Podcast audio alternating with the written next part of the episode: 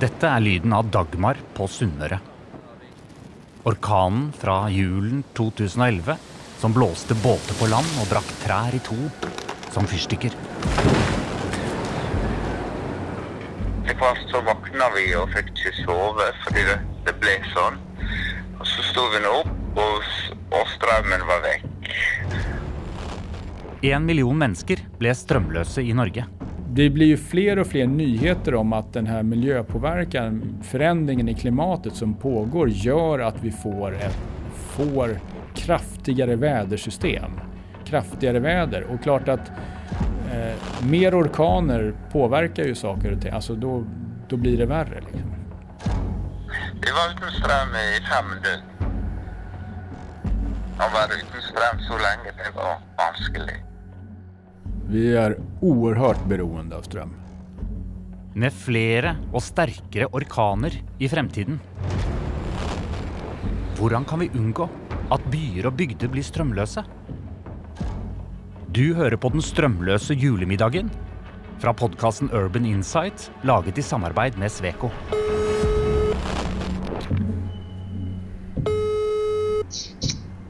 Karl Anders, Ja, hei, det er Christian Alt her. starter julen 2011 hjemme hos Carl Anders Helseth fra Bjørkedalen.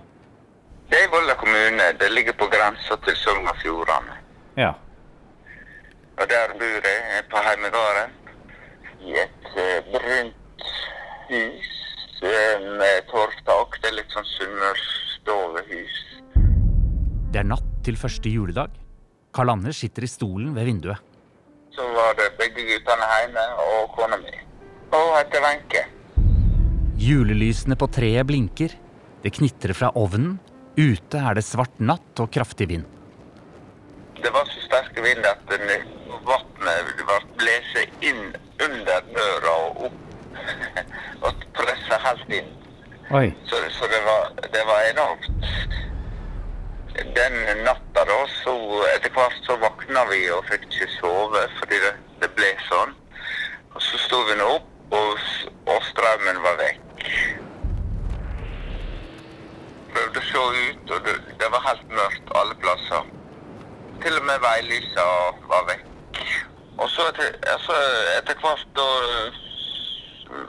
Når det ble morgen, så oppdaga jeg plutselig at eh, halve lødeveggen vår var, var blåst ned. Så så rett inn i låven. Oi. Karl Anders og familien er strømløse. Det samme er tusenvis av andre familier på Sunnmøre. En hel landsdel får plutselig kjenne på kroppen hvor avhengig vi er av strøm. Vi, vi hadde varme vann da første døgnet, kan du si. Og, og så, så var nå det slutt. Og du, du fikk ikke dusje eller sånn. Og, så, og ikke hadde vi telefon. Sant? Det var ikke råd å ringe. Ikke hadde vi nettilgang.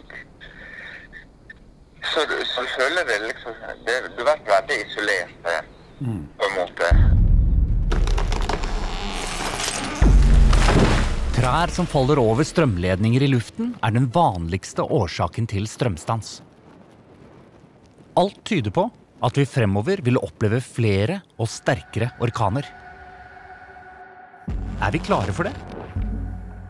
Hvordan skal vi sikre oss at byer og bygder ikke mister strømmen i fremtiden? Ja, det er T-sentralen. Ja. Ja. En biljett. Ja. For å finne det ut drar jeg til Stockholm for å snakke med Magnus Lindén. Hei. Velkommen. Jeg heter Magnus Lindén. Jeg jobber på Sweco Energy i, på kontoret i Stockholm. Sweco Sveriges huvudkontor. Magnus har kort, svart hår og briller. Han planlegger fremtidens byer. Om du bygger en ny stadsdel, om du bygger en ny stad, hur kan du planera rent fysiskt för att maximera hållbarheten i det hela? Hur kan vi återanvända energi i staden? Hvordan kan man motvirke at strømmen går ved store orkaner? Ja, det som påverkar, som, som skapar strömavbrott vid stora orkaner, det är ju framförallt då när träd ramlar på ledningar. Och det motverkar man genom att, att trädsäkra det. Alltså du ser till att det är tillräckligt långt mellan ledningen och träden. Och det här görs ju kontinuerligt. Man, då, man röjer ju då ledningsgator och sånt. Sweco jobbar med trädsäkring och det jobbas med eh, alltså, så kallade trädmodeller. Då. Du, du flygfotar ledningssystemet, du räknar ut vilka träd som de växer med en viss hastighet. Vilka träd ska man då ta bort för att det kommer att bli möjliga hinder och så.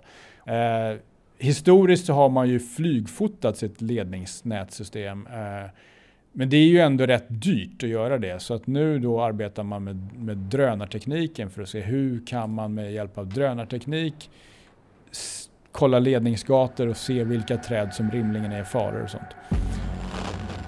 Ved hjelp av droner vil Magnus sikre strømlinjetraseene.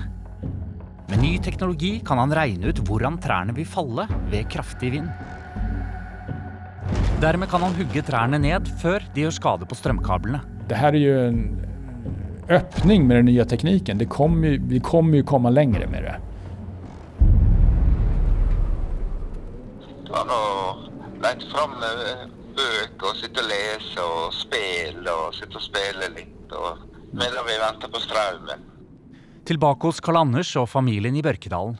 Det er blitt kveld på første juledag. Hadde dere ikke store planer for kvelden med mat og sånn? Hva gjorde dere? Ja, ja, det var på enkleste vis. Det var lage Det var å lage seg noe sånn enkelt på primus. Det var sånn suppe, og det var sånn enkle retter i stedet for ju, julemat den jula. Karl Anders og familien bor tett på naturen og har tilgang til ved og hjort han kan skyte i skogen. Men tenk deg at strømmen går i storbyene. Det skjedde nå i Maracaibo i april 2019. En by med over 1,5 millioner innbyggere i Venezuela. Brann ødela strømkabler, slik at fryser og kjøleskap sluttet å virke. Det fortelles historier om folk som gikk på leting etter mat i beksvarte gater. Det eneste man kunne se, var små lys fra tusenvis av mobiltelefoner. Kjølerommene på sykehusene virket ikke. Lukten av råtne lik spredte seg. Hvordan sikre strømnettverket, slik at sånne skrekkscener fra virkeligheten ikke skjer i fremtidens byer? Når vi planerer og jobber med nye stadsdeler og nye steder, så det vi argumenterer stenhårt for, det er noe som vi kaller for multikulvert. Istället för att du gräver ner ledningar, vattenrör etc. separat i staden så gräver du ner ett stort rör som de här alltså ledningar kan vara inuti istället och som du då kan komma åt. Så du får liksom en servicetunnel.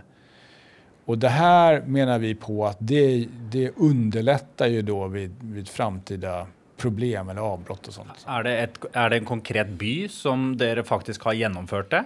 Eh, Det finns konkreta exempel i Sverige. Det finns eh, som kallas Vallastaden i Linköping. Där har man då eh, byggt sådana här multikulvertar som det kallas som gör att man kontinuerligt kan serva, underhålla, addera nya infrastrukturfunktioner utan att gräva upp gator och påverka mm, trafiken, situationen och påverka människors vardag.